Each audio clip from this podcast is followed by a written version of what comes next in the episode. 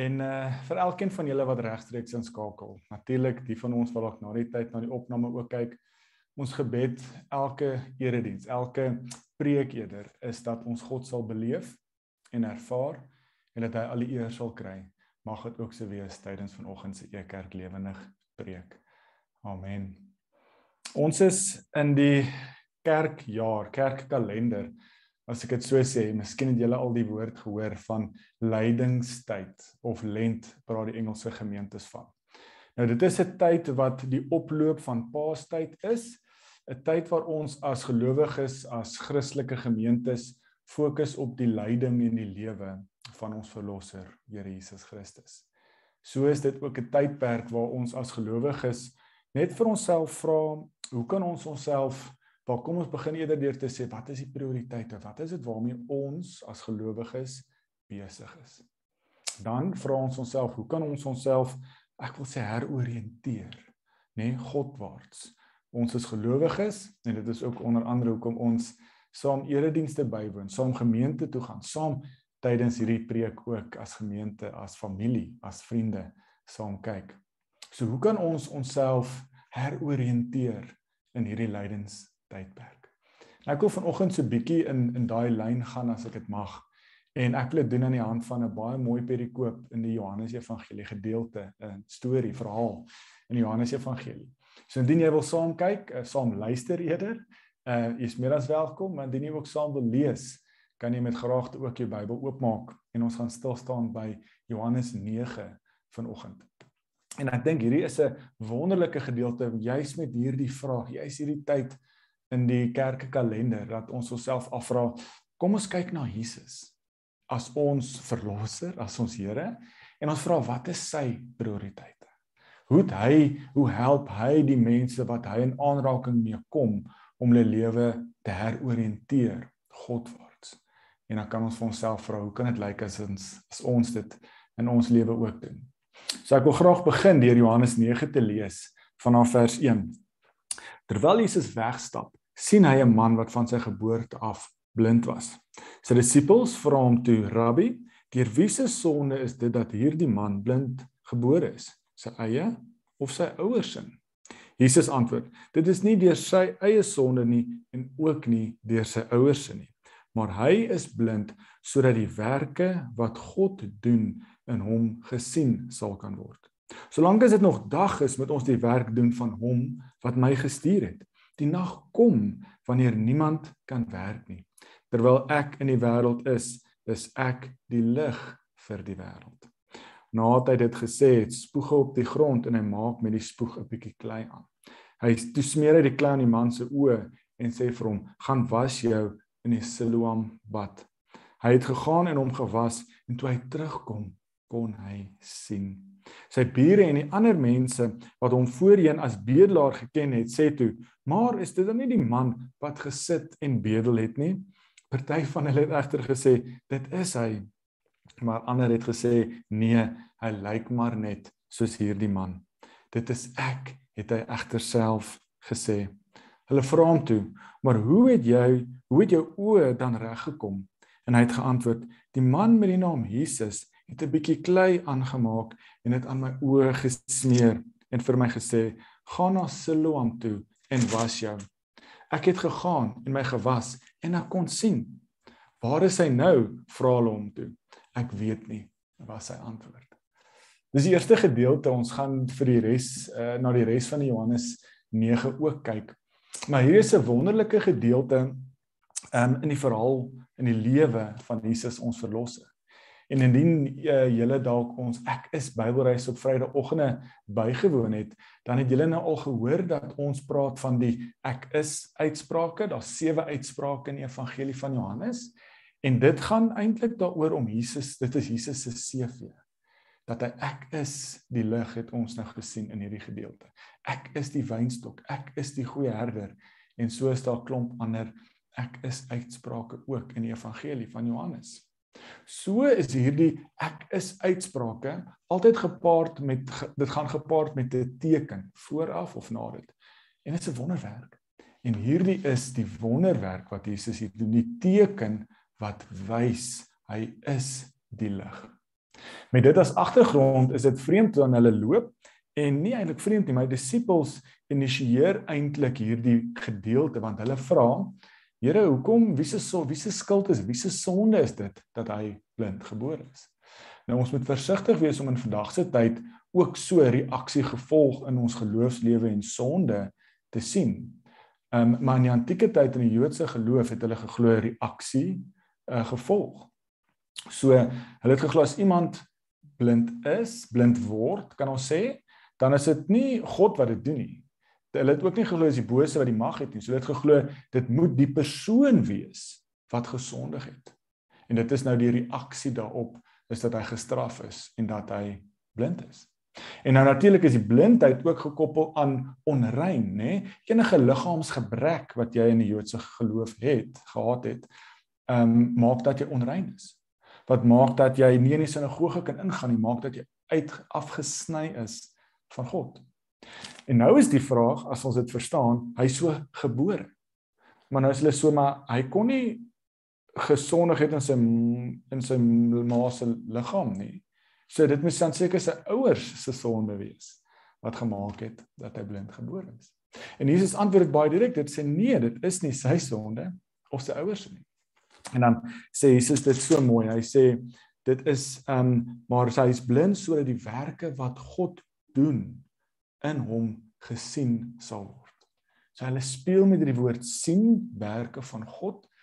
Dit beteken natuurlik nie God het hierdie man blind gemaak nie, maar dit is dat hier's nou 'n geleentheid en God se werke, God se liefde, genade kan sigbaar gemaak word in hierdie situasie deur wat Jesus hier vir ons doen. En Jesus beantwoord dit ook later want nou sien ons dat Jesus um, hom genees, dat hy op die grond spoeg klei maak en dit op die persoon se oog sit. Nou dis belangrik o sit, want dit is belangrik want Jesus as ons nou baie van sy ander wonderwerke kyk, dan sal hy dit baie keer koppel met jou sondes is vergewe, gaan was jouself. Of jou sondes is vergewe, jy's genees. Jesus doen dit nie hier nie. Wat ons baie duidelik sê, dit gaan nie oor sy sonde moet eers vergewe word voordat hy kan sien nie.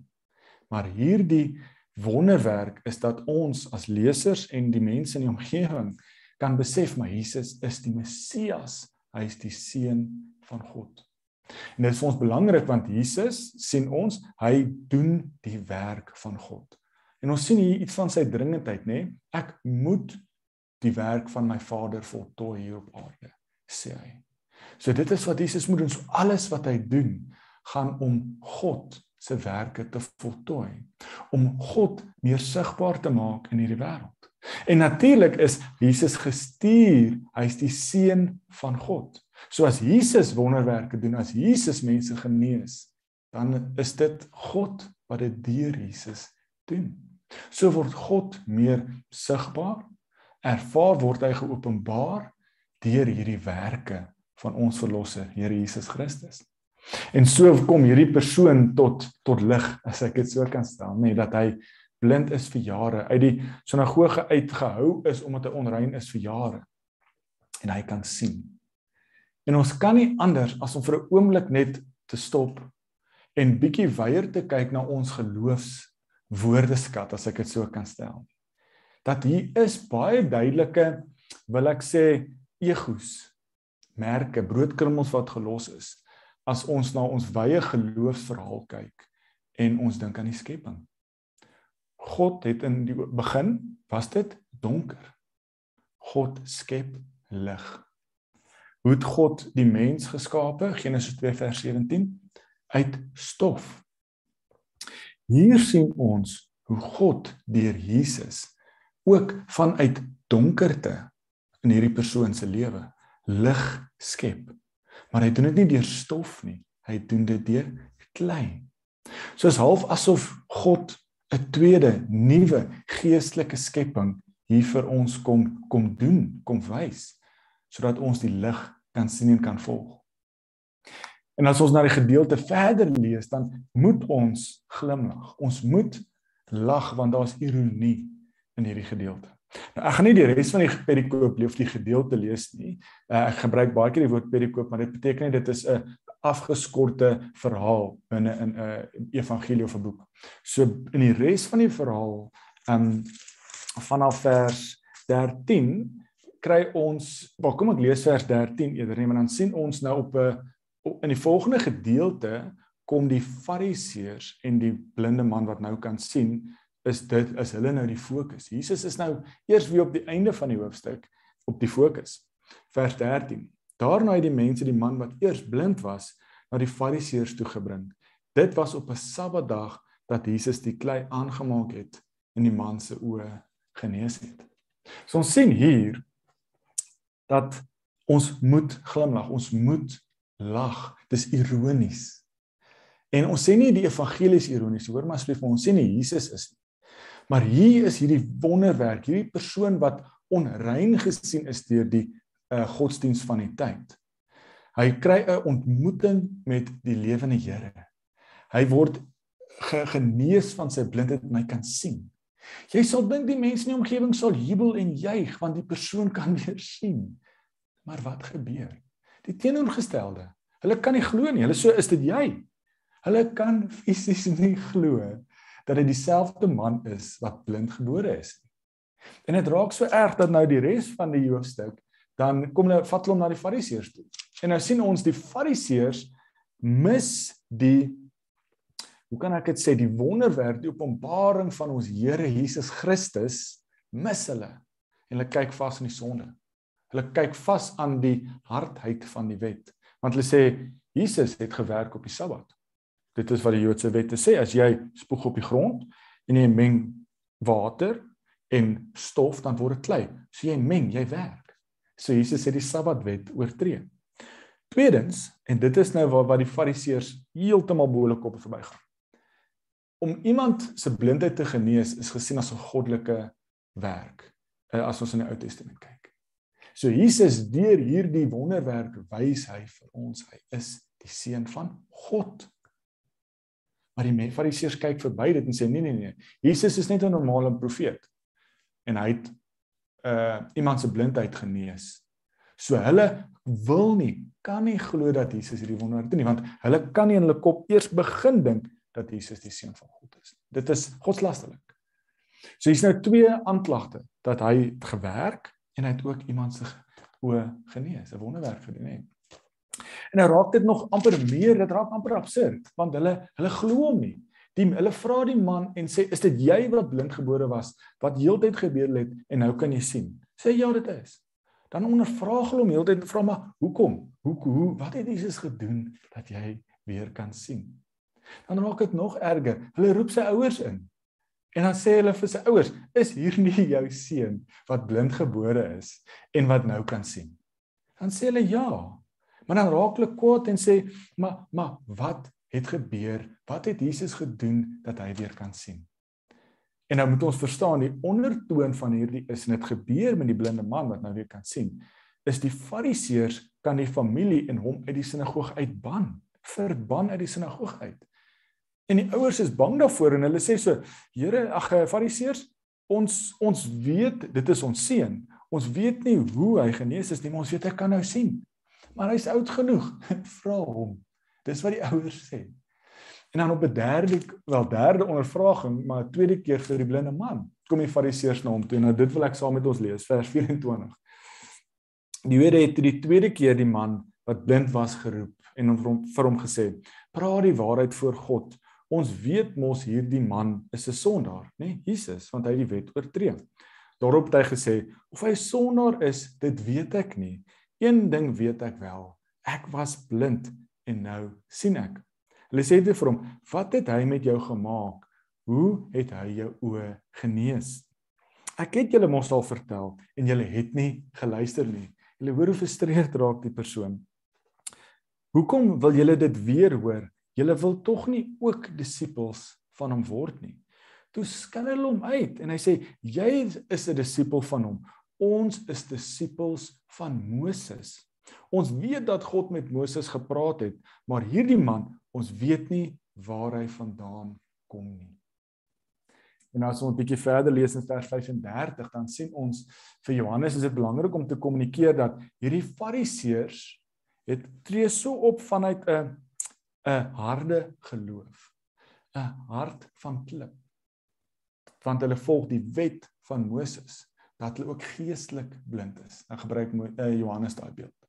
So hulle kyk so vas aan die wet, aan die harde klip wet van Moses dat hulle nie kan saam jubel dat 'n persoon genees is nie, maar hulle vaskyk aan die sonde. En dan wil hulle hierdie sonde probeer uitsorteer. En dan ehm um, raak hulle kwaad en sê vir hom: "Nee nee nee, maar jy is 'n disipel van hierdie persoon. Jy's uitgeban in die sinagoge uit." En dan tree dan is dit amper hierdie amper jy kan dit amper nie glo nie. Dit is letterlik jy moet met 'n oop mond staan en sê: "Hoe kan dit wees?" dat hierdie persoon kan sien kan deel wees van die glo uh Joodse godsdiens maar hulle kyk vas aan die sonde en dan sê hulle nee nee nee ons weet van Moses vandaan kom God het met hom gepraat maar ons weet nie waar Jesus vandaan kom nie so blind is hulle dat hulle nie die werke van God deur Jesus kan sien nie. Hulle kyk vas in die werking die openbaring van God en hulle sien hom mis want hulle sien die moeilikheid raak. Hulle sien die tekortkoming raak. Hulle sien die harde wet raak.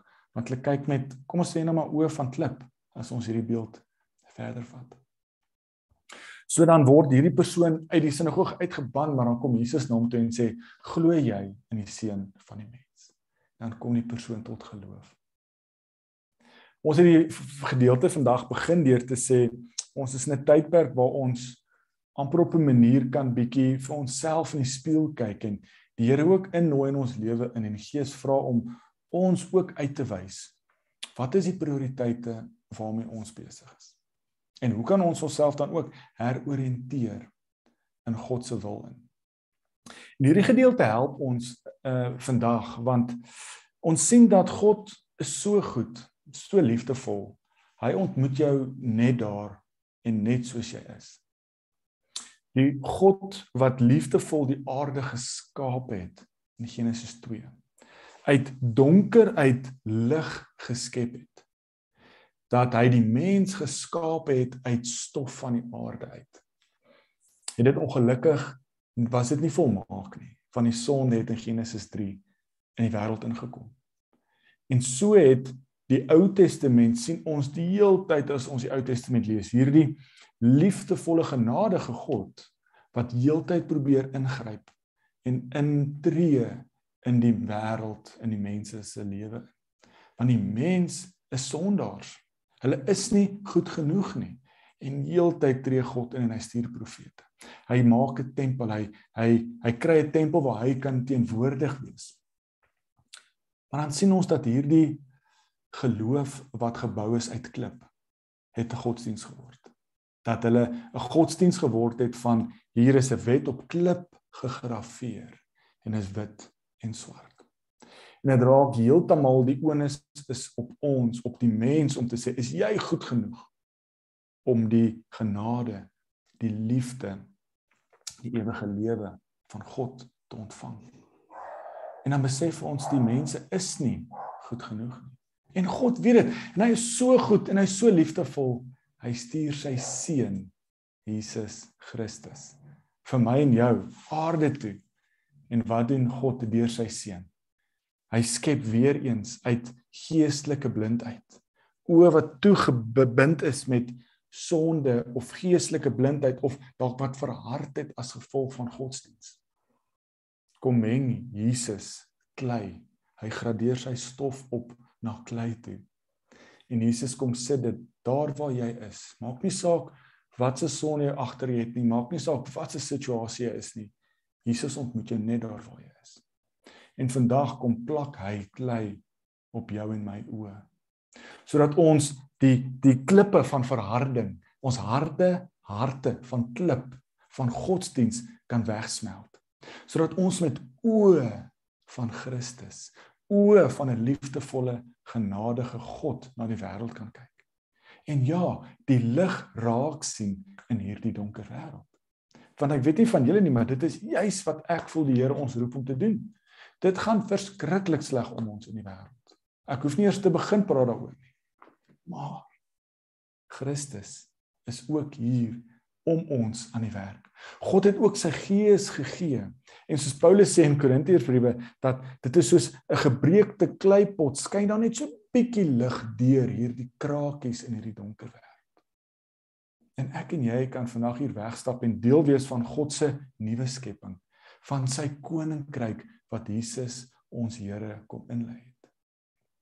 Mag ons die lig begin raak sien wat Christus is in hierdie wêreld eerder as die donker. Mag ons die oorvloed sien eerder as die tekort. Mag ons met die oë van Christus na mekaar kyk en genadig en liefdevol optree teenoor mekaar. Mag ons Christus se hande en voete wees. Mag ons 'n skouer wees van die Here Jesus Christus as ons medegelowiges in 'n moeilike, donker plek is in hulle lewe. Mag Christus ook ons omvou en op ons skoot optel en te sê ek gaan saam met julle deur hierdie donker wêreld.